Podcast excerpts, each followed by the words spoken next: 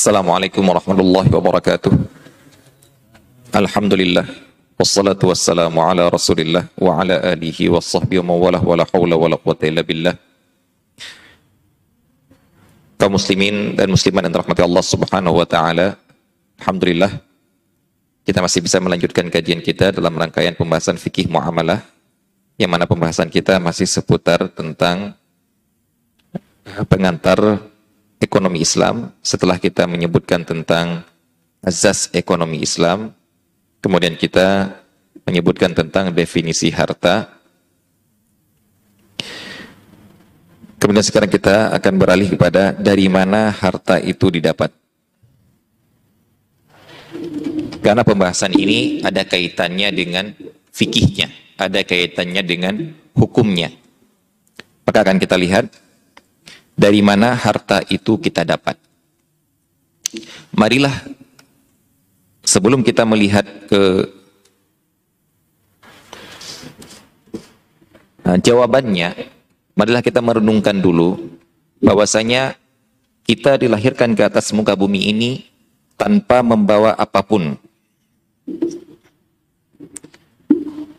Kita dilahirkan ke atas muka bumi ini yang mana bumi ini adalah tempat cobaan, tempat usaha, bukan untuk memanen hasil.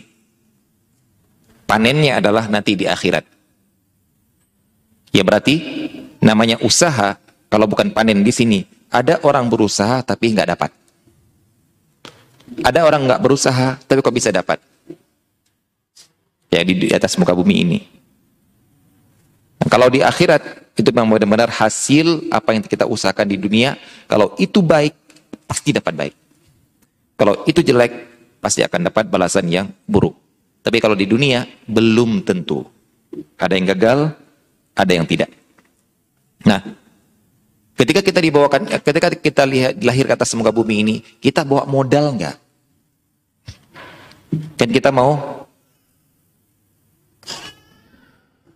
uh, berusaha di atas muka bumi ini, kita bawa modal enggak? Ada enggak orang lahir bawa modal satu genggam emas dikasih oleh Allah Subhanahu wa taala dengan kandungannya? Tidak. Jadi kita lahir ke atas muka bumi ini tidak bawa modal apa-apa berupa harta. Tapi setelah kita lahir, kok kita bisa dapat harta? Ataupun sampai sekarang, kok kita bisa punya harta? Nah, marilah kita merunut, merunut, merunut dari mana harta ini kita dapat. Maka secara garis besar harta itu bisa kita dapat dari dua arah. Yang pertama dari alam. Yang mana dalam alam ini Allah SWT sudah menyiapkan alam ini untuk dikelola oleh manusia. Jadi wallah taala alam saya sangat heran kenapa orang ada Ya mungkin ini bukan karena ini bukan muncul bukan dari akidah yang benar. Yaitu orang yang merasa bahwasanya bumi ini suatu saat nanti tidak akan mencukupi untuk manusia, kata mereka. Bumi ini tidak akan memenuhi kebutuhan manusia lagi. Tanahnya nggak bisa menghasilkan lagi, udaranya sudah habis oksigennya dan macam-macam macam-macam macam. Berarti kita harus mencari planet baru. Mau ke Mars atau ke planet baru, pesawat luar angkasa kita siapkan seperti itu. Kemudian mereka membawa membuat propaganda lewat film. Karena orang biasanya dinasehatin bagaimanapun itu nggak akan masuk begitu dibuat film langsung masuk. Nah, seperti dimisalkan ada orang yang dinasehatin jangan berenang di tempat ini banyak hiunya, itu pasti banyak orang orang ngeyel. Tapi begitu dibuat film tentang shark, hiu, semua orang takut berenang. Kenapa ya? Dihibur tapi setidak secara tidak langsung mereka telah dicuci otaknya. Dibuatlah film gini, gini, gini bahwasanya tidak akan mencukupi lagi budi ini. Maka kita sebagai orang muslim harus meyakini dari tanahlah kita diciptakan, di atas inilah kita dihidupkan, ke situlah kita dikembalikan, dari situlah kita di, bangkitkan. Berarti tidak mungkin Allah SWT menyiapkan bumi untuk dikelola oleh manusia, tapi manusia, tapi bumi ini tidak mencukupi kebutuhan manusia. Itu satu yang mustahil. Itu seperti orang mengingkari Allah Allah menyiapkan sebuah undang-undang untuk mengatur hidup manusia, tetapi ternyata undang-undang itu tidak bisa mengatur, tidak bisa mengarahkan manusia ke menjadi yang lebih baik. Itu mustahil. Itu propaganda itu kalau ada yang menyebarkan seperti itu. Berarti kita seorang muslim yang meyakini fikih, yang meyakini ekonomi Islam, kita harus meyakini bahwasanya alam ini yang Allah SWT siapkan bagi manusia itu adalah merupakan setelah sumber utama harta. Dari situ. Dari sinilah kita olah, kita uh, gali, kita ambil air dan segala macam di dalamnya. Di situlah kita mendapatkan harta. Sudah. Ini ja'ilun fil ardi khalifah. Aku menjadikan di atas muka bumi ini ada yang mengelolanya. Siapa? Manusia. Cukup. Dengan apa? dikelola dengan ilmunya. Makanya Allah Subhanahu wa taala menyebutkan tentang keunggulan Nabi Adam alaihissalam dibandingkan para malaikat wa 'allama Adam al-asma'a kullaha dengan diajarkan kepada Nabi Adam alaihissalam segala bentuk ilmu. Sehingga dengan ilmu itulah dia bisa mengelola bumi. Kalau malaikat cuma diciptakan untuk melakukan tugas tertentu saja. Yang jadi tugas sujud, sujud. Jadi tugas rokok, rokok. Jadi tugas ini, tugas ini. Kalau manusia punya keinginan, punya ambisi, punya ilmu untuk mengelola bumi ini sehingga menjadi lebih canggih. Nah, mungkin ada yang bertanya seperti ini. Ustaz, kan ada negara-negara seperti di Afrika tandus Gak cukup untuk kehidupan mereka. Berarti nanti suatu saat bumi ini akan tandus. Nah itu bayangan mereka. Akan kering semuanya, nggak ada yang mencukupi itu kebutuhan manusia. Berarti kita harus pindah ke ke planet lain yang seperti bumi yang mungkin telah ditemukan. Wallahu Jawaban kita adalah negara-negara Afrika itu, negara-negara yang tandus-tandus itu, itu bukan negara miskin. Tapi negara yang dizolimi. Bedakan. Bedakan antara orang ini miskin dengan orang ini dizolimi. Karena kalau orang dizolimi mau dikaya raya, kalau dizolimi jadi bisa jatuh miskin, jatuh bangkrut dalam satu malam. Bukan gara-gara dia males. Bukan gak ada sumber daya. Dia punya. Tapi dizolimi oleh seseorang oleh kekuatan yang besar, diambil semua sumber daya dia, dimiskinkan dia dalam satu malam. Bisa? Bisa. Makanya jangan heran apabila ada sebuah daerah yang punya sumber daya besar yang bisa memperkaya negara lain, dia sendiri miskin. Eh, di, di, di, di negeri Wakanda ya, bukan di sini ya, di negeri Wakanda.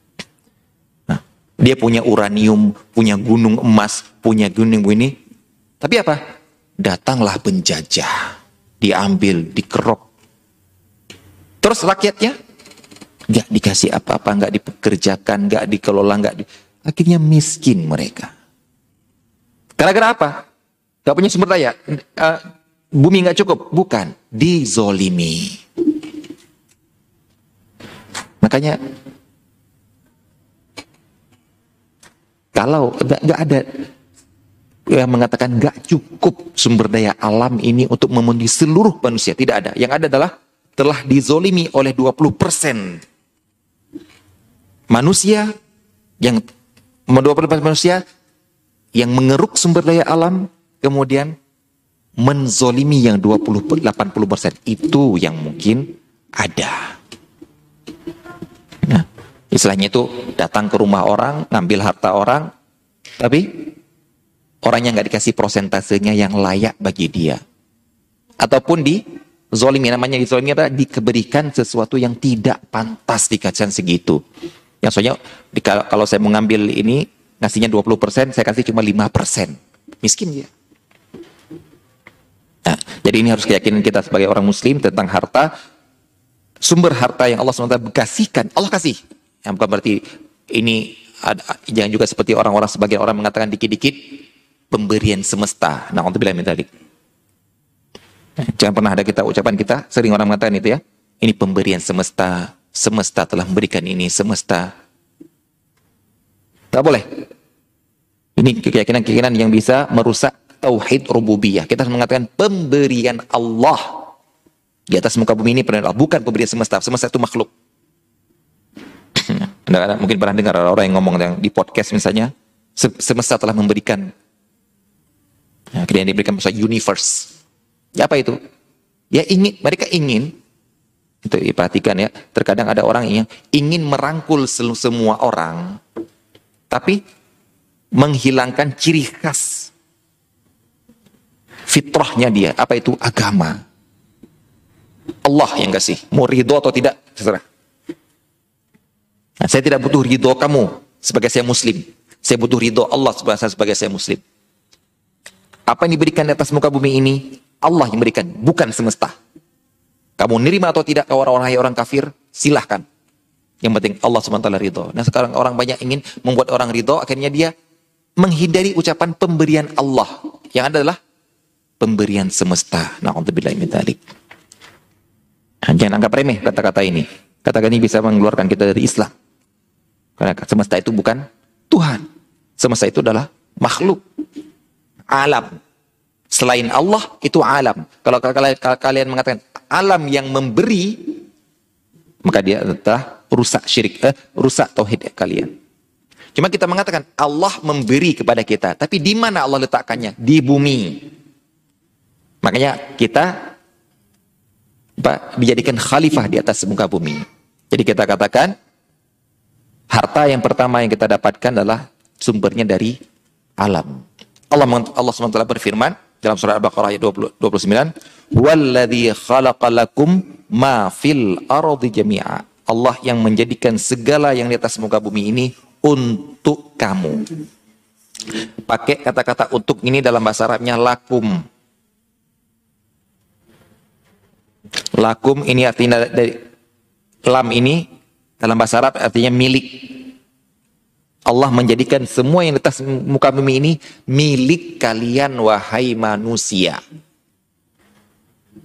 Mulai dari benda-benda padatnya, uh, uh, benda padatnya, benda cairnya, gasnya, baik itu makhluk matinya ataupun makhluk hidupnya, itu untuk kalian wahai manusia. Masya Allah. Baik. Terus, kalau begitu manusia kan banyak Ustaz.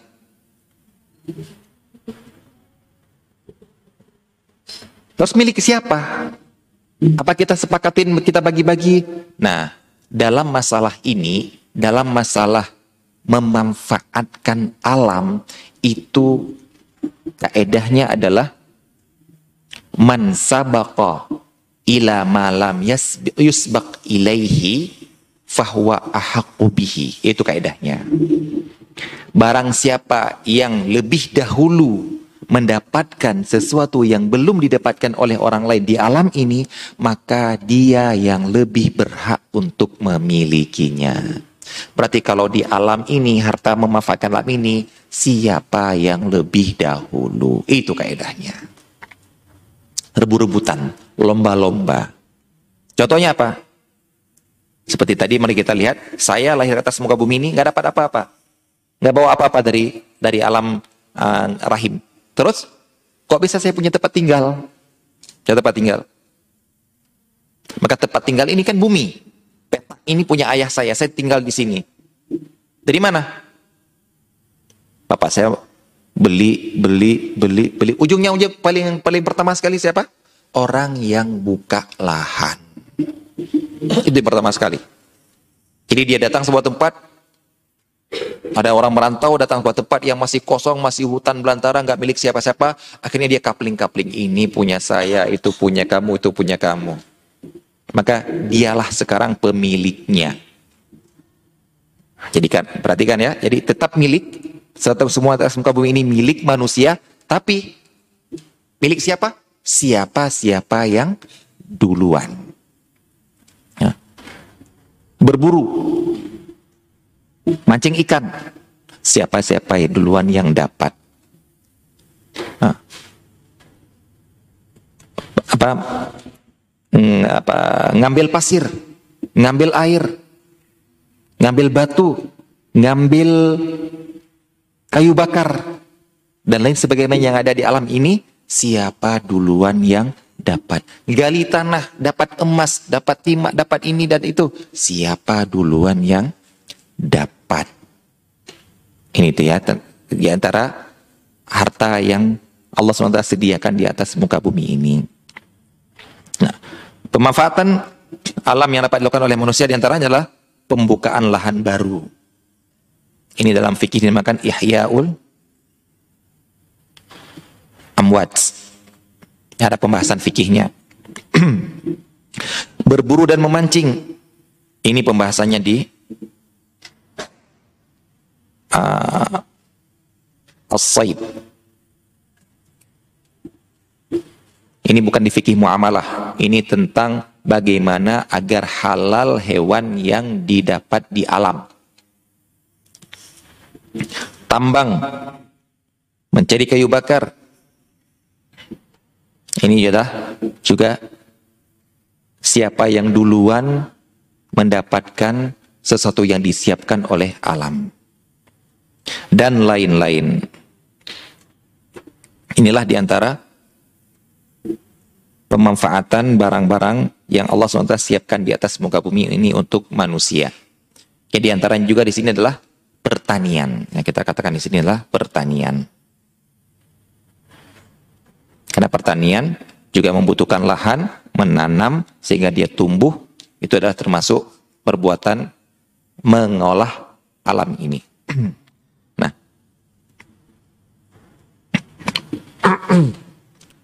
Apa tujuan kita membedakan antara harta itu dari alam dan satu lagi nanti dari manusia? Apa perbedaannya? Karena perbedaannya pada kaedah dalam cara memanfaatkannya. Kaedah dalam cara pemanfaatannya. Kaedah dalam mengambil harta dari alam ini, silahkan pakai kaedah ini. Yaitu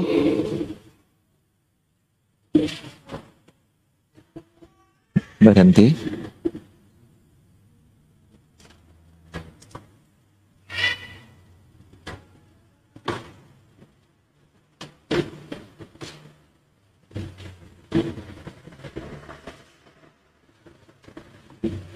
Tunggu, tunggu. Sudah. Anda nggak tahu laptop, tablet Anda atau itu Anda nggak tahu ya. Yang mana yang benar?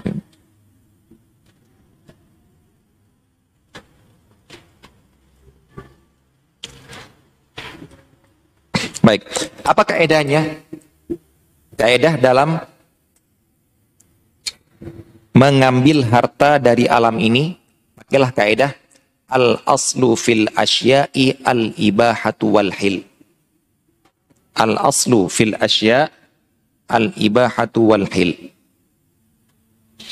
Pada asalnya semua yang di atas muka bumi ini halal untuk uh, mubah untuk dimanfaatkan, halal untuk dimiliki.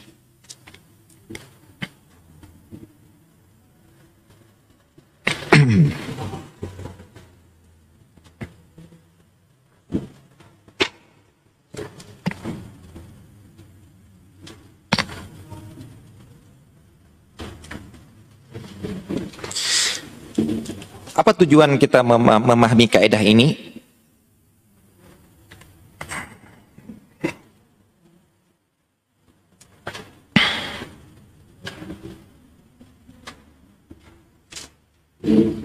Nah. Ingat ya, kalau ada kata-kata kaidah yang antum mendapatkan, yang antum kalau membaca kaidah pada asalnya, pada dasarnya Ini yang dinamakan dengan hukum awal, hukum asal, hukum dasar. Ini sangat penting kalau kita memahami ini, Pak. Pada asalnya, semua yang tersedia di atas muka bumi ini halal untuk dimiliki ataupun dimanfaatkan. Mubah. Kaidah. Berarti apa? Karena pada asalnya halal, berarti yang mengharamkan itu yang harus membawa dalil. Bukan saya yang menghalalkan, yang memanfaatkan, yang antum minta dalil. Eh, kenapa kamu boleh ambil air situ? Eh, kamu kenapa boleh ambil ini, ambil itu? Jangan tanya saya kenapa saya boleh, tapi saya kamu harus membawakan bukti dalil kenapa haram. Kenapa? Karena saya yang melakukan mengambil harta dari alam ini sedang mempraktekkan hukum awal, hukum asal. Macet lagi nih. Sedang mempraktekkan pada asalnya, pada dasarnya bahwasanya apa yang atas muka bumi ini halal untuk saya ambil, halal untuk saya miliki siapa-siapa yang duluan. Sampai datang dalil yang melarangnya. Apa contoh dalil melarangnya? Apabila sudah dimiliki oleh orang lain, nggak boleh kamu miliki lagi. Itu di antaranya. Apa apa di antara yang yang, yang, yang haram? Yaitu haram untuk memburu hewan-hewan berikut ini. Kalau nggak ada dalil, maka kita bawakan kepada hukum asalnya ya halal. Bedakan ya, harus harus dipahami ya kata-kata hukum asal. Pada asalnya di atas muka bumi ini silakan antum manfaatkan. Silakan antum ambil. Gak usah minta izin. Kenapa? Karena sudah dikasih izin oleh Allah Subhanahu wa taala. Berarti yang melarang dialah yang bawa dalil. Mana dalil yang melarangnya? Bernafas di sini, ngambil air hujan, ngambil air sungai, ngambil air laut, ngambil pasir di di di apa di bumi ini. Selama itu bukan milik seseorang, masih milik alam, belum ada yang miliki, silahkan dimanfaatkan.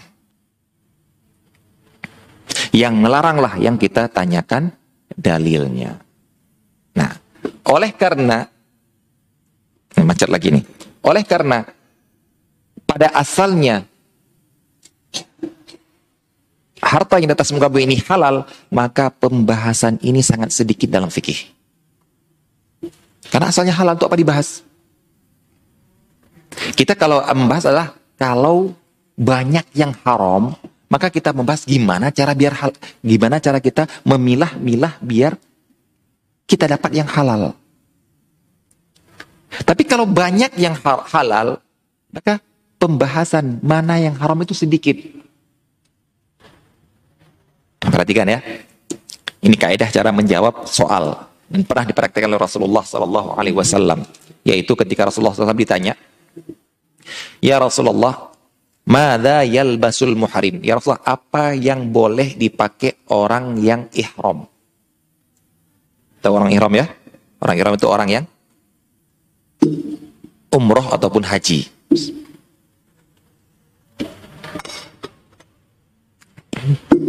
Lihat pertanyaannya apa? Apa yang boleh? Apa yang boleh dipakai? Masya Allah. Rasulullah SAW menjawab sesuai dengan kaedah. Mengajarkan kepada kita kalau menjawab sesuatu, pakailah kaedah yang tepat. Rasulullah SAW menjawab apa? Yang nggak boleh dipakai muhrim adalah, Masya Allah. Yang ditanya yang boleh, Rasulullah menjawab yang tidak boleh. Yang nggak boleh dipakai muhrim adalah nggak boleh pakai imamah. Nggak boleh pakai baju. Nggak boleh pakai sepatu. Nggak boleh pak wanita nggak boleh pakai sarung tangan. Nggak boleh pakai penutup wajah. Kalau kita katakan sekarang cadar misalnya. Bayangkan, Masya Allah. Yang ditanya apa yang boleh dipakai, Rasulullah SAW menjawab yang tidak boleh dipakai. Kenapa? Karena pada asalnya apa pun boleh dipakai oleh orang ihram kecuali yang sedikit yang nggak boleh. Rasulullah SAW menjawab yang sedikitnya. Yang dibahas adalah sekarang yang sedikitnya. Dia bahas yang banyak, yang nggak akan selesai-selesai. Boleh pakai ini, boleh pakai ini, boleh pakai ini, boleh pakai ini, boleh pakai ini. Nanti datang yang baru lagi, boleh pakai ini, boleh pakai ini. Nggak akan selesai fikihnya. Karena pada asalnya semua boleh. Kecuali yang ini. Maka yang dibahas adalah yang kecualinya.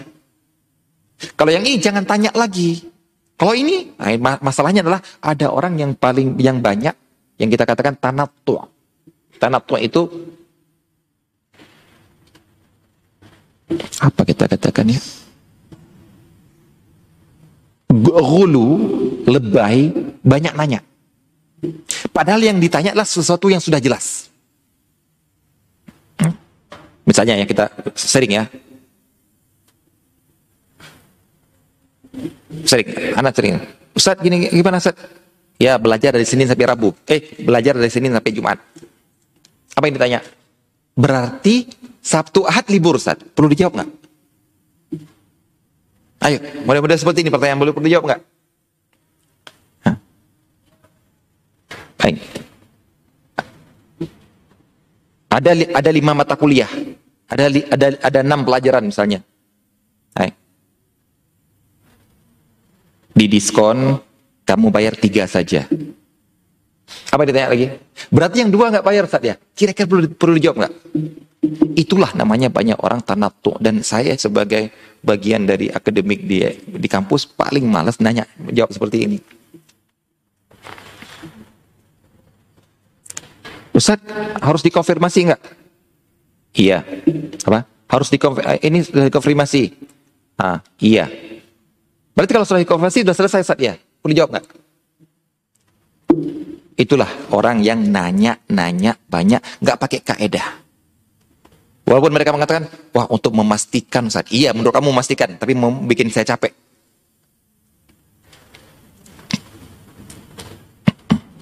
Nah, gitu juga jadi kalau ditanya yang apa ya, yang, yang menjadi masalah sekarang adalah banyak orang yang mempersulit diri dari pakaian dalam pakaian ihram. Apa? Menurut banyak menurut bayangan orang sekarang yang namanya pakaian ihram adalah pakaian yang dijual seperti itu, yang bentuknya handuk seperti itu. Itulah pakaian ihram. Sehingga orang takut pakai yang lain.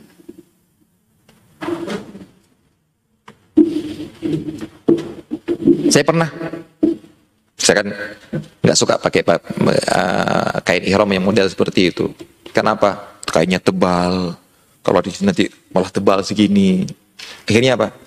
Ini saya pulang ke Indonesia, waktu di Madinah saya pulang ke Indonesia, saya cari kain katun bahan untuk celana yang warna putih. Ya saya pakai itu. Yang di atas baru yang handuk itu, yang model handuk biar nanti dia menyerap keringat. Dan di bawah saya nggak suka pakai handuk. Pakainya kayak pakai sarung biasa. Saya pakai.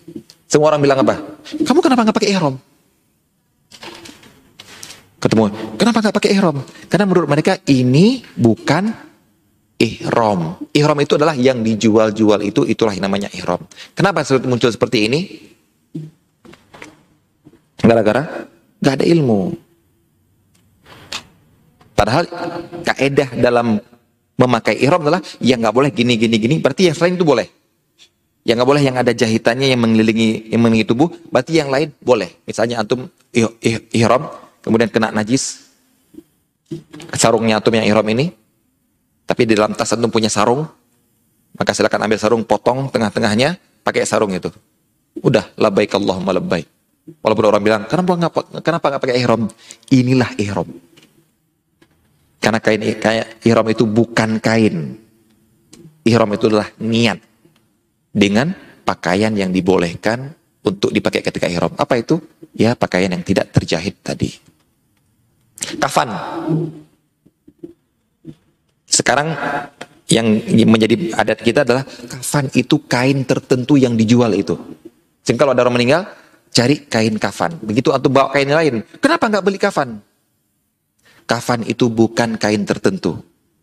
Nah, Masya Allah kalau bedanya kalau antum paham ilmu Kafan itu bukan kain tertentu. Kafan itulah semua kain yang digunakan untuk membalut jenazah itu dinamakan kafan.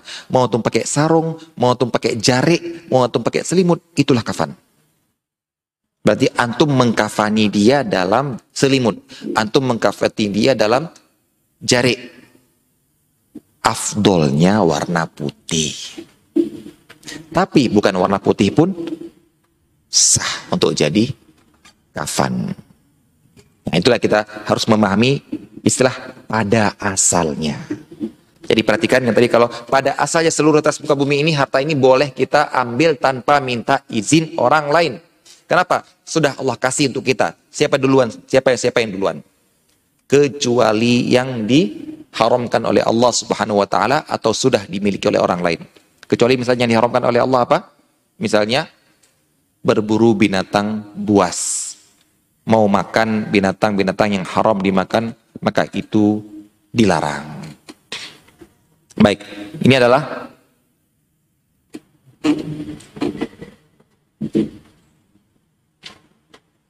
Ya, Ustadz lain ada kejadian seperti ini enggak? Ustadz lain ada kejadian seperti ini enggak? Berarti kayaknya tablet anak yang rusak ini. Hah?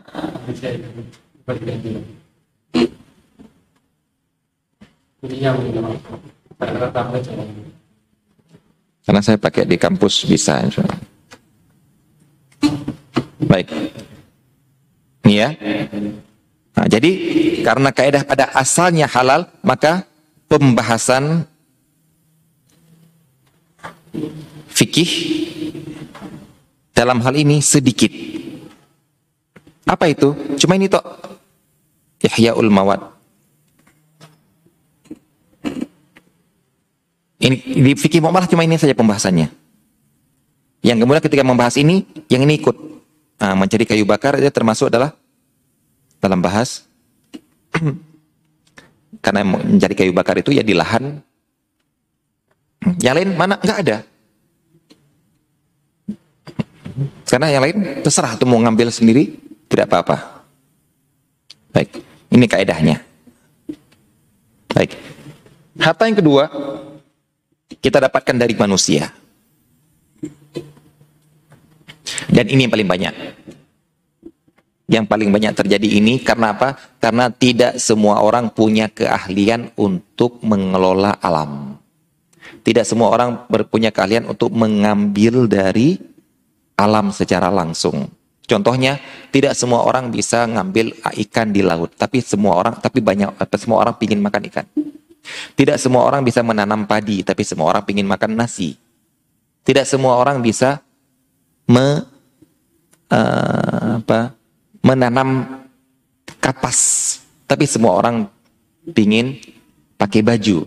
Tidak semua orang bisa mengambil emas dari dari alam, tapi semua orang ingin ingin memakai perhiasan emas. Maka di sinilah cara memperoleh harta yang dari lain adalah dari sesama manusia. Jadi setelah ada manusia memperoleh harta dari alam, maka orang lain bisa menikmati harta tersebut dari orang yang harta itu dari dari orang tersebut, orang yang sudah memperoleh ini. Nah, untuk hal ini, ini paling banyak dibahas. Kenapa? Karena kaidahnya nanti akan kita lihat jadi syariat tidak mengizinkan seseorang mengambil harta orang lain kecuali dengan ridho dari pemiliknya. Ini dikatakan dengan hukum asal.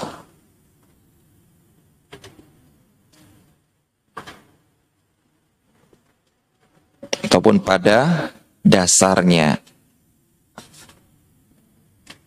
Jadi kalau harta di tangan manusia pada asalnya haram untuk diambil.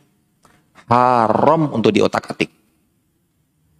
Pada asalnya harta sudah di tangan manusia haram untuk diotak-atik. Sampai apa? Sampai ada ridho dari pemiliknya. Ya, karena dia pada asal pada asalnya haram, pada asalnya haram, tidak boleh diambil, Sedangkan kita mau ambil, maka kita harus mempelajari gimana cara halal. Agar kita tidak terjatuh ke dalam haram yang pada asalnya ini. Nah, seperti misalnya, pada asalnya kita dilarang membuat-buat ibadah agar kita dekat kepada Allah Subhanahu wa taala. Kita ingin menjadi hamba Allah yang terbaik yang dekat kepada Allah Subhanahu wa taala. Tapi pada asalnya kita tidak dilarang untuk membuat model-model ibadah agar kita dekat kepada Allah Subhanahu wa taala. Berarti berarti mari kita belajar agar kita tahu model ibadah bagaimanakah yang diajarkan oleh Rasulullah SAW biar kita sampai kepada Allah Subhanahu wa taala. Maka di sini pada asalnya kita haram ngutang-atik kata orang lain. Kecuali dengan izin dari syariat dan ridho dari pemiliknya. Nah, mari kita belajari bagaimanakah akad-akad cara mengambil harta dari orang lain yang diridhoi oleh pemiliknya dan diizinkan oleh syariat. Nah, ini ya, ini kaidah juga. Jadi apa? Apa kaidah dalam mengambil harta dari alam? Kaidahnya pada asalnya halal kecuali yang dilarang. Kalau kaidah dalam mengambil harta dari manusia, kaidahnya lah pada asalnya haram kecuali yang diizinkan. Dibalik aja gitu. Nah, nah. jadi misalnya benar ikan di laut milik Tuhan. Siapa pun yang dapat duluan, maka dia pemiliknya. Tapi setelah ada orang dapat duluan, dimasukkan ke dalam ember, antum tolong jangan ambil ikan di ember saya. Jangan beralasan, ini kan milik Tuhan katanya. Ada orang yang salah seperti itu ya. Benar, air di sumur ini milik Tuhan. Siapa pun yang boleh nggak, siapa yang boleh ngambil duluan milik dia. Jadi, tapi setelah saya ambil, saya masukkan ke dalam galon, tolong galon saya jangan diambil. Air di galon saya jangan diambil. Kenapa? Itu sudah milik saya. Nggak boleh kamu berdalil, ini kan milik Tuhan.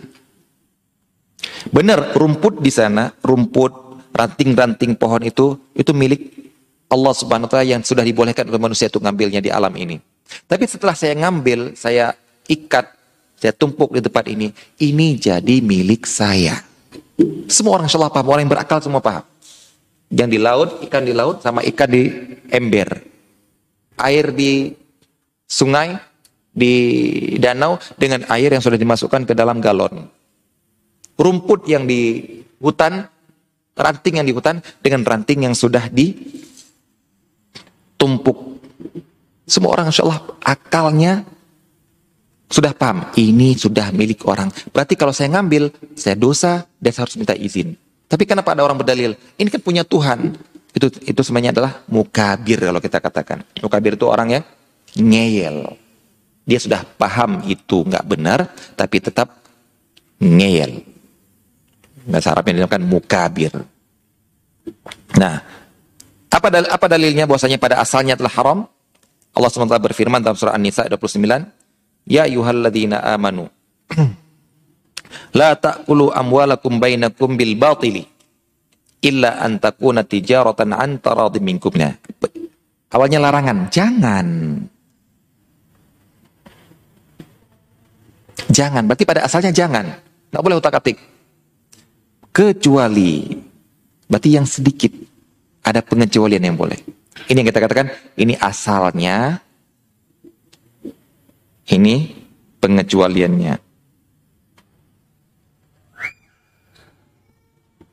Kayak tadi, kalau di, di harta di alam asalnya boleh kecuali yang dilarang. Kalau untuk manusia asalnya tidak boleh kecuali apa yang diizinkan. Kayak tadi kayak ihram tadi semuanya boleh dipakai kecuali apa yang dilarang. Berarti pasti pengecualian itu adalah sedikit. Karena itu yang mau dibahas. Kalau banyak nggak bisa dibahas. Banyak itu cuma bisa dikasih kaedah. Semua, segala. Itu kalau mau dibahas yang banyak. Semua, segala, segala sesuatu, semua siswa. Kalau mau manggil lima orang yang melanggar, manggil. Tapi kalau untuk seluruhnya, itu apa istilahnya? Guru bodoh itu kalau mau mengumumkan ke semua siswa dibaca satu-satu namanya. Tapi kalau manggil lima orang pengecualian, semua siswa boleh masuk kelas kecuali lima orang ini. Teh, teh, teh. Merupakan guru bodoh kalau umumkannya. Yang boleh masuk kelas, fulan 350 orang itu. Nah, itu orang nggak paham kaidah. Tapi sebenarnya itu adalah apa sudah dimaklumi oleh semua orang berakal. Yang pada asalnya yang banyak itu nggak usah dibahas. Cukup dengan dibuat kaidah. Nah, lihat kecuali apa? Dengan jalan perniagaan berlaku secara ridho di antara kalian. Nah, ini ayat ini illa antakuna tijaratan antara. Tolong diperhatikan, mungkin sebagian dari kita agak luput dalam sebuah sudut pandang. Di sini ada dua hal. Agar pengecualian harta yang haram tadi bisa menjadi halal harus terpenuhi dua hal. Yaitu Allah menyebutkan di sinilah perniagaan dan ridho. Karena sebagian orang hanya memandang ridhonya saja. Itu salah. Nggak boleh ngambil harta orang lain kecuali dengan ridhonya. Belum tentu. Terkadang ada harta yang ridho diambil, tapi ternyata haram. Maka perhatikan, pada asalnya haram mengambil harta orang lain kecuali dengan dua syarat, yaitu perniagaan dan ridho. Sekarang marilah kita lihat konsep ridho. Atau sebelum konsep ridho itu, sedikit kita bahas apa yang disebut oleh para ulama. Ini kan cara mendapatkan harta ada dari alam, ada dari manusia. Yang dibahas oleh para ulama adalah pekerjaan apakah yang afdol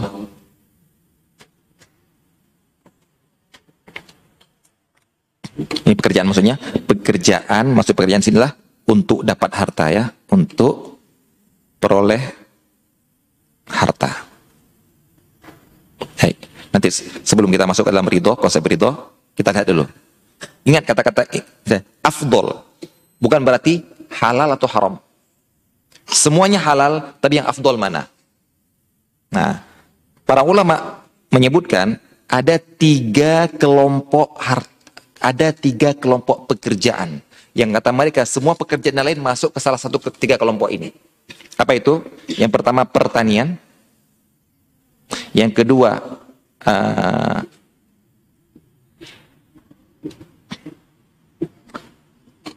apa itu? Kerajinan, ya saya katakan kerajinan.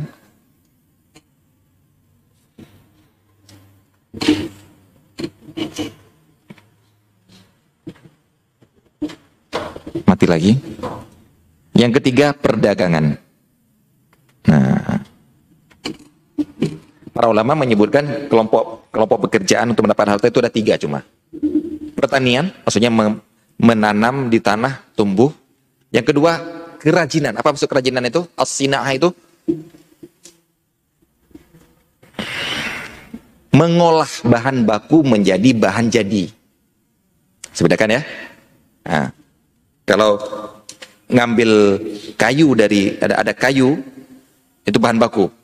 Nah, diolah sama dia menjadi sesuatu yang lebih mahal lagi hartanya. Itu namanya kerajinan.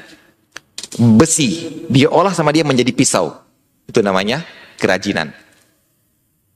Uh, buah diolah jadi dia menjadi jus misalnya. Itu kerajinan. Atau ditambah sesuatu. Diolah diubah ataupun ditambah yang lain-lain menjadi sebuah rangkaian produk yang ketiga perdagangan perdagangan itu apa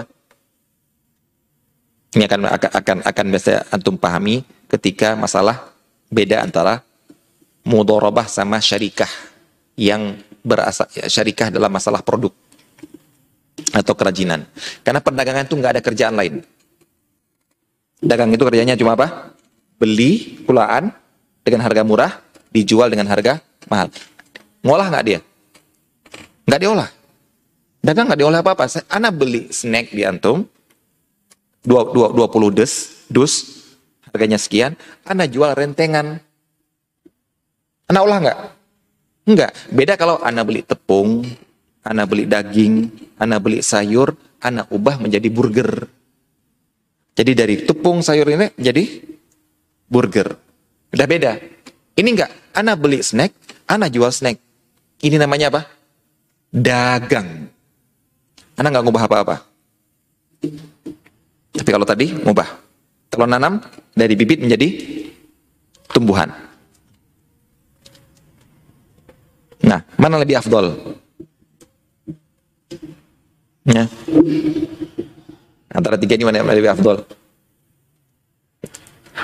Kalau kita bawa pada hadis Rasulullah sallallahu alaihi wasallam ketika di beliau ditanya, "Ayul kasbi afdol ya Rasulullah?" Ya Rasulullah, pekerjaan apakah yang afdol? Beliau mengatakan, "Amalur rajuli biyadihi wa kullu bai'in mabrur." Kerja seseorang dengan tangannya dan semua perdagangan. Nah, kalau kita bawa hadis ini, maka bisa untuk semuanya. Karena menanam itu kerjaan dengan tangan. Kerajinan, produksi juga kerjaan dengan tangan. Jualan masuk ke dalam bay'un mabrur. Nah, di sini kemudian para ulama mengatakan afdol ini, afdol itu, afdol ini, afdol itu. Nah, ada yang mengatakan afdol pertanian.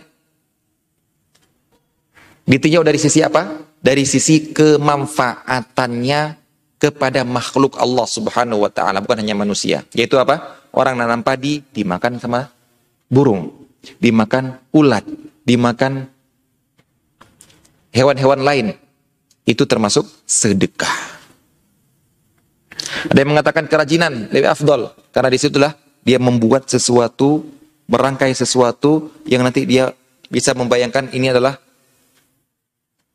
buatan makhluk, apalagi dengan pem, karya, cipta apa ciptaan Allah yang lebih agung lagi.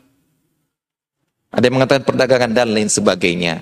Namun inilah yang dinamakan oleh para ulama masalah afdol itu adalah sesuai dengan sudut pandang.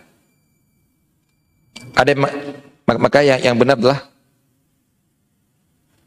tergantung sudut pandang, tergantung kebutuhan. Kalau memang orang lebih butuh kepada produksi dari bahan baku menjadi bahan dari bahan mentah menjadi bahan jadi, maka lebih afdol kita ke dalam kerajinan, produksi. Kalau orang butuh untuk setelah ada produksi biar laku dijual, lebih afdol kita jualan. Kalau orang membutuhkan sekarang bahan baku, bahan sandang, apa, bahan pangan, maka lebih afdol kita bertani. Jadi masalah afdol tidaknya sebuah pekerjaan yang semua itu asalkan semuanya itu halal, maka kita bawakan kepada kebutuhan orang. Bukan kita lihat ke masing-masing pekerjaannya. Nah, jadi para ulama mengatakan pekerjaan seseorang itu ter, ter, tergabung menjadi salah satu dari yang tiga ini. Mungkin antum tanya, terus menjual jasa apa Ustaz? Jadi pegawai itu yang mana Ustaz? Yang pegawai itu ya salah satu dari ketiga ini. Pegawai di pertanian, atau pegawai di kerajinan, di pabrik, atau pegawai di toko, sama saja. Atau bisa katakan pegawai itulah menjual jasa, itu masuk ke dalam perdagangan. Dan lain sebagainya. Jadi Allah Ta'ala ini sudut pandang para ulama menyatakan pekerjaan itu cuma secara garis besar tiga ini saja. Pertanian menanam, kerajinan mengolah, dengan perdagangan menjual tanpa mengolah apa-apa. Baik insya Allah pada habis insya akan kita lanjutkan dengan konsep ridho agar kita mengetahui kapan harta orang lain menjadi halal dimiliki oleh kita. Assalamualaikum warahmatullahi wabarakatuh.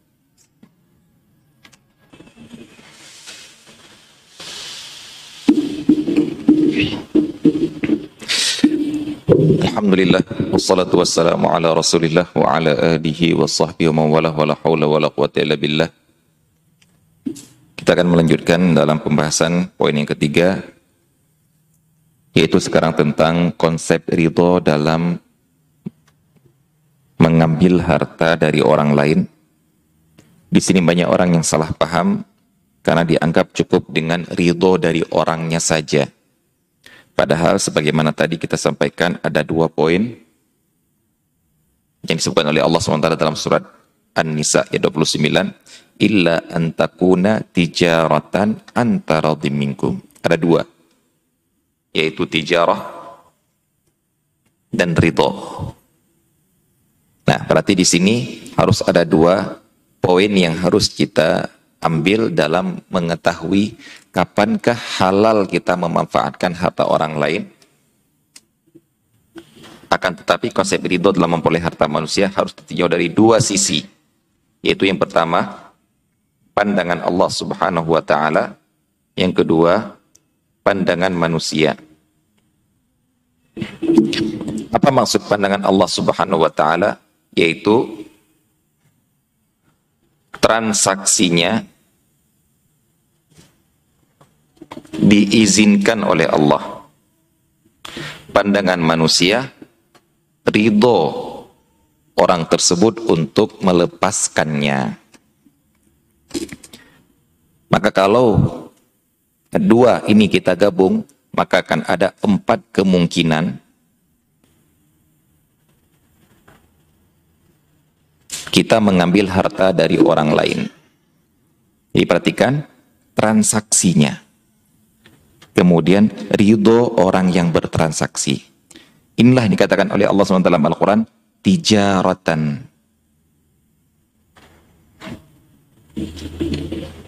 Jadi kapan boleh mengambil harta orang lain? Dengan dua syarat secara tijarah transaksinya diizinkan oleh Allah kalau orangnya ridho untuk memberikannya. Kalau orangnya ridho untuk mentransaksikannya. Maka di sini kadang-kadang kita lihat dari, dari dua sisi, izin dari Allah, transaksi diizinkan oleh Allah Subhanahu wa taala atau tidak, kemudian orangnya ridho atau tidak. Maka ada empat kemungkinan cara kita mendapatkan harta dari orang lain.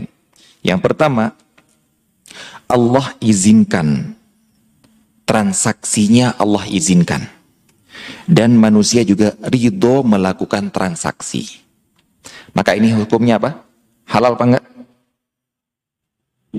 Tadi kan, janganlah makan harta orang lain, berarti haram makan harta lain. Kecuali dengan transaksi yang Allah ridho, ya transaksi yang Allah bolehkan dan orang yang meridhoi. Berarti jadinya apa? Halal, sepakat ini. Apa?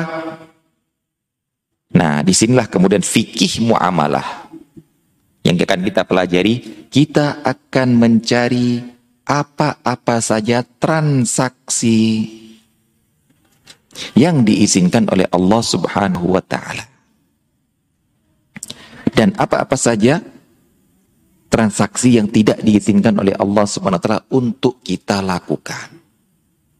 Kalau ridhonya manusia kan kita bisa nanya. Kamu ridho enggak? Setuju enggak? Setuju. Saya kasih ambil saja. Saya jual. Itu ridho dari dia sudah.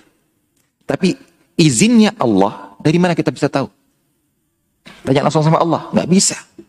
Tahu dari mana? Undang-undang yang Allah berikan. Apa itu Al-Quran dan Sunnah yang dipaparkan oleh para ulama dalam kitab fikih muamalah mereka. Dari situlah kita bisa tahu mana transaksi yang diizinkan dan mana transaksi yang tidak diizinkan. Mari, mari kita pelajari fikih muamalah dari jual beli sampai wasiat. Ini bukan hanya muamalah, bukan hanya jual beli toh. Dari jual beli sampai wasiat. Yang di dalamnya Allah menyebutkan apa-apa yang Allah izinkan dan apa-apa yang Allah tidak izinkan dalam dari masing-masing transaksi. Apa contohnya? Yang Allah izinkan dan manusia juga ridho? Ya jual beli. Jual beli, dia mau menjual, dia mau membeli. Sewa menyewa, Allah izinkan. Allah mengizinkan kepemilikan harta dengan cara hadiah. Allah izinkan kepemilikan harta dengan cara wasiat. Allah izinkan kepemilikan harta dengan cara atiyah, dengan cara atiyah, dengan cara hibah. Allah izinkan kepemilikan harta dengan cara utang piutang. Allah izinkan kepemilikan harta dengan cara pinjam meminjam dan lain sebagainya dan orangnya ridho halalan toyiban untuk kita manfaatkan ataupun untuk kita miliki. Yang kedua, Allah izinkan transaksinya Allah izinkan, cara berpindahnya Allah izinkan, tapi manusia tidak ridho. Halal apa haram?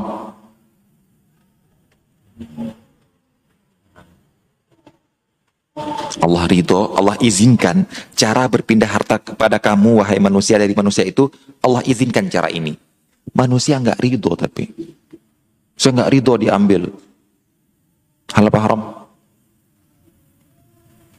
Haram. Ada yang mengatakan haram, nggak ridho. Ada yang mengatakan halal. Ada perincian, Masya Allah, bagus. Ada perinciannya. Apa perinciannya? Yang Allah izinkan ini wajib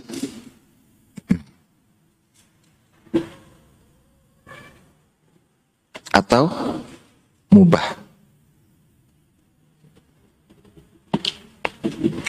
Kalau itu wajib, maka tidak perlu ridho kamu.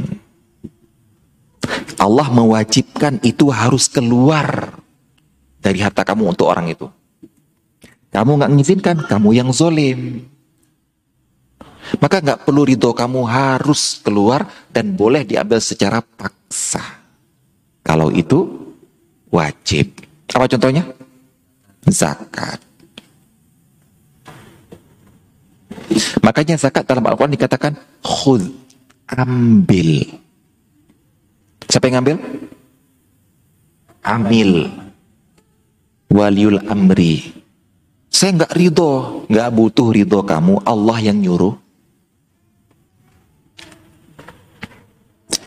Masalah dia nggak niat, dia nggak ridho, urusan dia dengan Allah. Yang jelas sekarang harta kamu sudah kami ambil, yang berarti kamu nggak boleh ngambil harta harta lagi dari kamu karena sudah kamu bayarkan zakat. Masalah kamu dapat pahala atau tidak, itu urusan kamu dengan Allah. Karena pahala itu keniat. Saya nggak niat zakat, tapi diambil secara paksa harta saya. Kami nggak peduli dengan niat kamu. Yang jelas sekarang harta kamu sudah kami ambil zakatnya, tahun depan kami datang lagi untuk ambil lagi. Kami nggak ngambil sekarang. Kami nggak ngambil lagi sekarang karena sudah ngambil. Ya, jadi zakat itu khud, ambil, nggak butuh ridho kamu. Contoh yang lain, yang boleh ngambil walaupun nggak ridho. Berarti yang zolim dia, yang salah dia. Karena dia kok tidak menunaikan kewajiban yang Allah embankan ke dia. Apa yang lain? Nafkah. Di kisah Hindun istrinya Abu Sufyan. Ya Rasulullah, Abu Sufyan pelit orangnya. Ngasih nafkah, ngasih. Cuma pelit, nggak cukup. Gimana ya Rasulullah? Silahkan ambil. Minta izin. Enggak. Ridho Abu Sufyan, nggak peduli. Ridho atau enggak. Tapi boleh kamu ambil. Kenapa? Karena dia yang tidak menunaikan kewajiban. Dia yang salah. Baik. Contoh yang lain? Waris.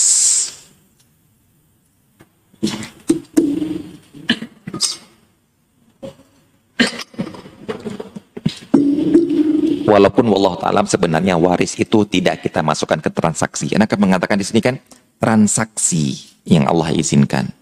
Walaupun sebenarnya waris itu tidak masuk transaksi. Berarti tidak perlu ridho. Karena ada cara berpindah harta dari seseorang ke orang lain tanpa harus transaksi, berarti tanpa harus ridho. Jadi Allah Ta'ala alam kayaknya waris tidak cocok kita masukkan ke sini. Karena para ulama juga tidak memasukkan waris itu dalam muamalat.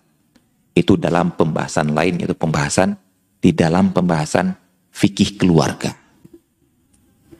Jadi ingat, waris itu tidak butuh ridho dari orang yang mati. Berarti kalau ada orang mati bilang, saya tidak ridho anak anak per, anak pertama saya ngambil harta saya karena dia durhaka, karena dia nggak pernah kunjungi saya ketika saya sakit, ketika saya stroke, saya nggak ridho dia dapat harta saya. Maka bolehkah anak itu ngambil harta ini? Warisnya dia? Boleh, karena waris bukan termasuk transaksi antara orang dengan orang meninggal dengan orang yang ditinggal tapi dia adalah perpindahan harta dari orang mati ke orang yang hidup, berarti tidak butuh ridho orang yang tidak butuh ridho orang yang mati tersebut. Nah, ini juga harus kita pahami. Terkadang orang menganggap salah. Eh kamu itu, bapakmu pernah bilang loh, ini nggak boleh kamu ambil. Tapi dia datang ngambil. Karena orang nggak paham fikih muamalah, konsep ridho ini akhirnya dia menganggap, wah anak ini anak durhaka, ngambil harta yang nggak diizinkan oleh orang tuanya. Enggak, dia mengambil harta hak dia yang dikasih oleh Allah Subhanahu Wa Taala, orang tuanya yang salah, yang tidak memberikan. Adapun yang mubah, apa yang mubah? Ya jual beli yang tadi, jual beli, pinjam meminjam, sewa menyewa, utang piutang, hadiah, sedekah, apalagi misalnya uh, wasiat. Di Allah izinkan transaksi tersebut, tapi orangnya tidak ridho untuk ditransaksikan. Maka di sini haram. Berarti kalau yang wajib ini, walaupun orangnya tidak roh, halal. Halal itu ambil. Kalaupun yang mubah, kalau orangnya tidak ridho, haram. Yang ketiga, Allah tidak mengizinkan, Allah tidak mengizinkan transaksi itu. Tapi manusia ridho melakukan transaksi itu. Apa hukumnya halal apa haram? Haram. Nah, inilah yang harus kita yakini, makanya harus kita gabung keduanya. Jangan cuma bilang bahwasanya, oh selama ridho boleh. Itu salah harus ada satu konsep lagi yaitu selama Allah izinkan dan kamu ridho itu boleh. Tapi kalau kamu ridho toh Allah tidak mengizinkan maka itu tidak boleh. Apa contohnya nih Pak? Riba, paling gampang adalah riba contohnya.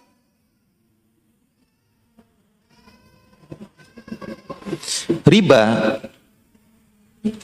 paling banyak orang bilang tapi ridho Ustaz. Saya pernah ngisi-ngisi kajian tentang riba, jawaban mereka, tapi kita ridho Ustaz. Maka jawaban saya, gara-gara ridho lah kita namakan riba. Kalau enggak ridho, kita namakan maling. Tapi ridho sawahnya digunakan oleh dia, ridho. Sudah dijadikan barang gadai kemudian digunakan oleh orang yang memberikan utang, ridho yang punya sawah. Gara-gara ridho lah kita namakan riba. Kalau enggak ridho kita namakan maling. Itu jawabannya sudah. Kita membahas, membahas riba itu gara-gara ridho. Kalau enggak ridho enggak kita bahas dalam bab riba. Kita bahas dalam bab ghasab. Baik, nyalain apa? Judi. Yang lain apa? Riswah. Apa riswah? Sogok. Yang bahasa Malaysia punya rasuah gitu. Dia mengambil dari bahasa Arab gratifikasi ya gratifikasi. Hadiatul ummal. Ridho orang yang kasihnya ridho pak.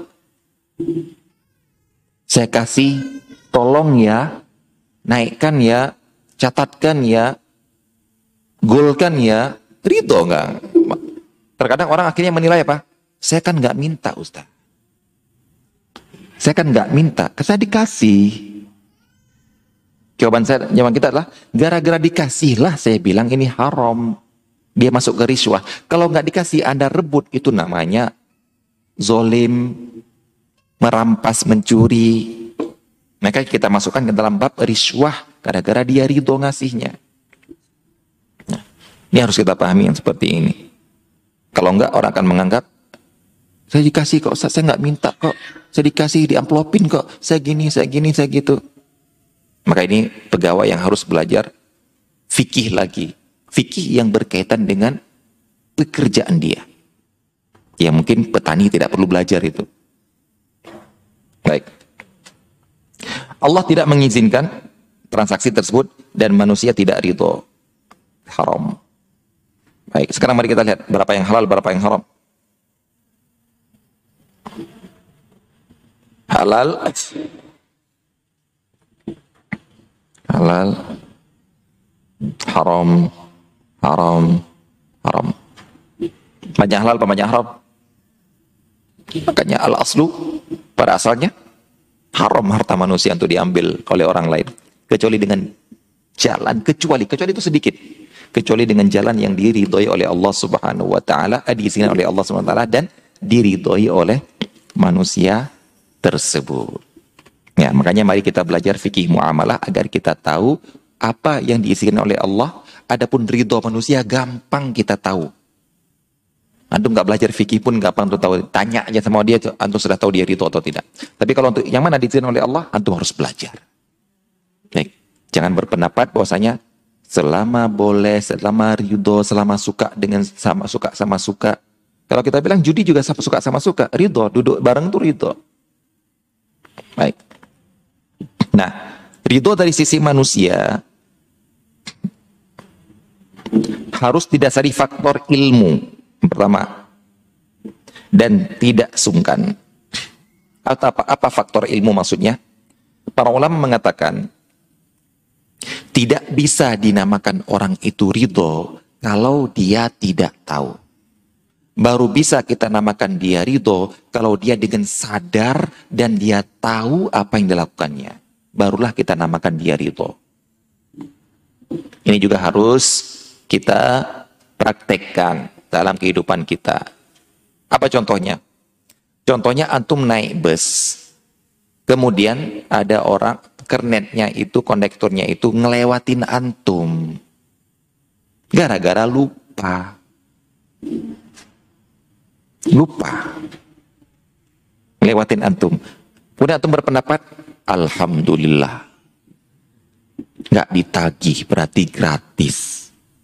Nggak, haram. Kenapa? Karena dia nggak ridho. Kenapa kamu bilang dia nggak ridho?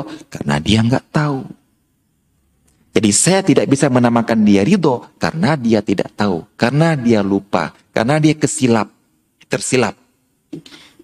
Jadi nggak boleh untuk bilang bahwasanya saya nggak ditagih kok. Berarti ya boleh, nggak. Bilang Pak, saya nggak ditagih Pak. Nggak apa-apa Mas, gratis. Al itu baru ketahuan. Berarti sebelum Anda tahu dia ridho, berarti ambil ke hukum asal. Hukum asalnya apa? Haram untuk dimanfaatkan. Dia nggak ridho. Inilah kita harus mengetahui hukum asal. Hukum asalnya saya ngambil harta orang lain nggak boleh. Sampai dia ridho. Kalau saya belum tahu dia ridho, saya haram ngambil. Sampai saya tahu dia ridho. Gimana cara taunya? Tanya. Contoh yang lain yang sering terjadi juga antum beli rumah, antum beli beli mobil, sudah ridho kan beli mobil, ridho. Transaksi, periksa semuanya, siap, deal berapa? 38 juta, ini uangnya. Ketika antum buka dashboardnya, ternyata ada emas 15 gram di situ, ada kalung emas. Berarti bilang, antum bilang, ini menjadi milik saya. Kan? mobil, segala sesuatu yang ada di dalam mobil menjadi milik saya. Kan dia ridho menjual mobil, berarti semua yang ada dalam mobil milik saya. Karena dia sudah ridho menjualnya, jawabannya tidak. Kenapa? Dia itu menjual mobil. Adapun kalungnya itu lupa. Tidak tahu. Karena kalung bukan bagian mobil. Beda kalau kalau memang ada dongkrak itu bagian mobil. Malah kalau nggak ada itu antum antum tag, antum uh, tagih. Ban serap itu bagian mobil. Kalau nggak ada itu malah antum tagih. Tapi emas kalung emas di dashboard itu bukan bagian mobil. Berarti ketinggalan. Saya boleh ngambil? Enggak, kan Ridho jual. Yang Ridho dijual mobil. Emas belum tahu dia. Biar tahu, tanya. Kalau nggak ditanya, kalau nggak atum tanya, berarti kembalikan ke hukum asal haram antum dapatkan. Belum belum jelas dia itu. Mas, ini adalah emas, kalung emas. Gak apa-apa mas, ambil aja. Alhamdulillah. Manjal jadi masalah adalah orang nggak nanya. Kenapa nggak nanya? Takut nggak boleh katanya. Ya berarti kan maling kan? Tapi ditanya ke Ustadz, Ustadz boleh nggak Ustadz? Ustadz akan menjawab, tanya sama orangnya, pada asalnya nggak boleh. Ustaz kalau natanya artinya jadi nggak boleh. Ya itulah prinsip maling yang seperti itu. Mending kita nggak nanya biar boleh katanya. Itu salah. Antum beli rumah. Dari jual, deal, ternyata rumah itu punya basement. Di basement itu atau mendapatkan satu peti emas, penuh emas. Halalkah milik antum? Dengan alasan, ini kan sudah saya beli rumahnya Ustaz, ridho dijual emas. Berarti segala yang ada dalam rumah milik saya. Jawabannya adalah segala yang ada dalam rumah yang bagian dari rumah. Adapun yang bukan bagian dari rumah, butuh akad yang baru.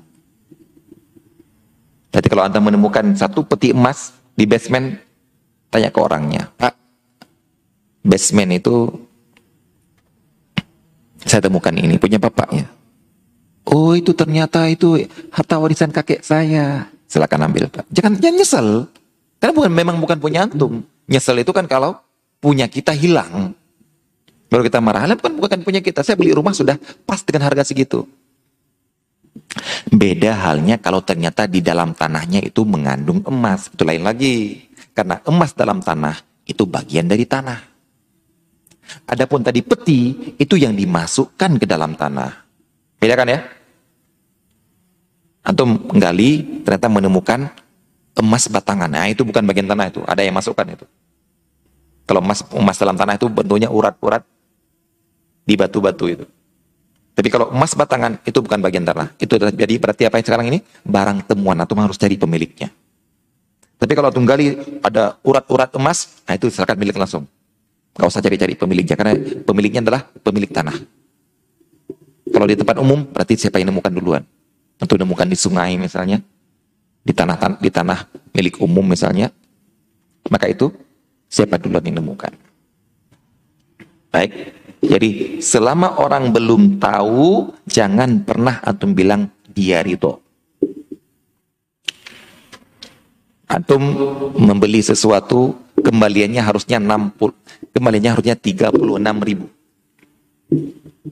Membeli harganya uh, 67 ribu, akhirnya harusnya dikembalikan 30 apa 64 ribu. Kembaliannya harusnya 36 ribu. Mungkin orangnya lagi sibuk kayaknya kebalik dikembalikan 63 ribu. Harusnya 36 dibalikannya 63 hitung-hitung-hitung lebih dalam hati saya kan nggak curi saya kan nggak maling kan dikasih dengan sukarela berarti kalau dikasih berarti ridho berarti halal bagi saya tidak. Kenapa tidak? Karena dia tidak tahu. Karena dia jahil. Karena dia lupa. Karena dia tersil tersilat. Atau harus bilang, Pak, ini lebih Pak ya? Emang sengaja salibikan mas, ambil aja. Baru halal. Tahu? Oh iya mas, saya salah. Jadi nggak boleh itu diambil. Ini prinsip. Yang kedua, bukan gara-gara sungkan. Nah ini yang harus kalau ini ilmu untuk tahu ini bisa ditanya. Kalau sungkan itu harus main perasaan. Untuk sungkan ini ada istilah ada kaidah menurut para ulama kaidah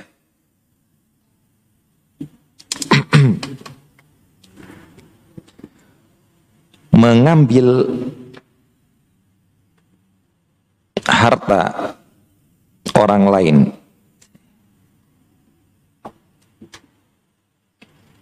Yang diberi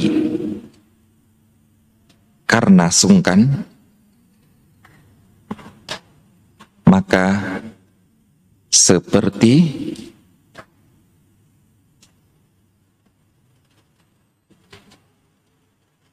menodongnya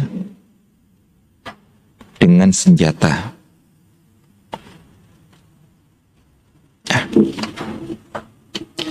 Baik, pertanyaannya. Anak ngambil harta dari antum dengan dengan anak todong pakai senjata apa hukumnya? Eh, kasih hartamu. Harta atau nyawa. Apa hukumnya? Berantum kasih? Antum kan ngasih kan? Anak nggak ngerebut kan? Tapi ya pakai senjata di sini. Pisau atau celurit? Mana motormu? Apa hukumnya? Haram. Ya. Jadi men mengambil harta orang karena ditodong pakai senjata haram kan? Nah berarti mengambil harta orang lain yang dikasih gara-gara sungkan juga haram. Mengambil harta orang lain, makan harta orang lain yang dikasih gara-gara sungkan, yang sebenarnya dia nggak mau ngasih, tapi nggak enakan dikasih, itu haram hukumnya. Para ulama mengungkapkan kaidah seperti ini. Apa contohnya? Ada kadang orang itu menawarkan itu bukan benar-benar menawarkan, tapi basa-basi. Maka haram untuk makan. Apa contohnya? Di kereta api, di samping antum beli nasi. Antum nggak beli. Kemudian dibilang, makan mas. Ayo. Kita semua paham ya? Kita semua paham ya? Kita nggak, eh, dia bukan sedang menawarkan, tapi dia basa-basi. Karena kalau nggak diucapkan seperti itu, nggak sopan. Berarti kalau antum tawarin, makan mas, oh iya, makasih. Haram. Kenapa? Nggak ridho. Kan diketawarin, kan ditawarkan. Penawaran dia tadi bukan penawaran yang sebenarnya, itu hanya basa-basi karena sungkan. Bahasa Arabnya haya. Haya itu berarti malu, maksudnya apa? Malu kalau saya kalau nggak nawarkan. Bahkan para ulama ada yang mengatakan, ada yang mengatakan, bahkan tebasan, tebasan pedang gara-gara malu, gara-gara sungkan, itu lebih pedih daripada tebasan golok asli. Kenapa? Kalau golok asli hanya melukai, kasihkan, gak mau lari antum. Wow, luka di sini kan? Tapi kalau antum gak menawarkan, maka malunya tuh sampai ke hati. Satu kampung menghujat antum. Gak sopan kamu yang makan pada orang gak nawarin orang. Akhirnya antum menawarkan gara-gara apa? Menahan malu. Biar nggak ditebas dengan pedang sungkan oleh masyarakat. Antum takut begal ditebas pakai golok. Ini nggak ditebas sama orang yang mau Nggak tahu malu, nggak tahu malu, nggak tahu malu, nggak tahu malu. Sakit hati. Maka para para mengatakan orang terkadang menawarkan dengan dengan sungkan itu untuk menahan rasa pedih yang lebih pedih daripada kena golok asli. Berarti kalau antum ambil lebih haram daripada antum tebas antum ancam pakai golok asli. Nah, para ulama mencontohkan ini contohkan para ulama yang tadi yang contohkan di kehidupan kita ya. Buruh di, di kehidupan kita kan buruh yang kerja di pinggir jalan lagi makan nasi bungkus, kita lewat. Mampir mas, makan. Jangan pernah tuh mampir. Atau mampir haram. Karena dia sebenarnya bukan menawarkan itu basa-basi. Para ulama mencontohkan seperti ini di kitab mereka. Ada teman antum lagi makan berdua satu piring. Kemudian antum masuk ke kamar dia, ataupun ke rumah dia atau ke tempat mereka lagi makan berdua. Assalamualaikum, Waalaikumsalam. Antum ditawarkan, eh makan bareng. Enggak boleh antum ikut makan kalau antum tahu bahwasanya, ingat ini semuanya kalau pakai perasaan ya. Anda cuma bisa mengatakan selama antum paham, antum merasa, antum peka. Kalau antum nggak peka, anda nggak bisa ngomong lagi. Yaitu, kata ulama mengatakan, seandainya kamu tahu, mereka menawarkan gara-gara sungkan, padahal makanan itu cuma cukup untuk mereka berdua. Yang mana kalau antum tahu, antum mereka tahu, antum tahu antum di luar, nggak dipanggil. Tapi gara-gara antum sudah masuk, sudah terlanjur lihat, antum diajak. Maka yang seperti ini nggak boleh ikut. Tapi antum benar-benar, eh, ayo, ayo ikut, ikut. Ada apa? Ini makanan cukup ini. Itu baru nggak apa-apa. Tapi antum ditawarin gara-gara antum ketahuan lagi makan. Ayo mas, nggak boleh makan. Haram untuk makan. Kenapa? Sungkan. Berarti sungkan itu tidak dinamakan ridho. Tidak dinamakan ridho. Baik, ini di antara konsep ridho yang harus kita pahami. Itu ada transaksi yang diizinkan Allah ada ridho dari manusia. Dan kapan manusia itu makan ridho? Walaupun dia mengucapkan, nawarkan, tapi ternyata gara-gara dia tidak tahu, gara-gara dia sungkan, maka itu tetap dinamakan tidak ridho. Baik, demikian dapat kita sampaikan. Wassalamualaikum warahmatullahi wabarakatuh. InsyaAllah yang ke depan akan kita lihat tentang konsep kepemilikan.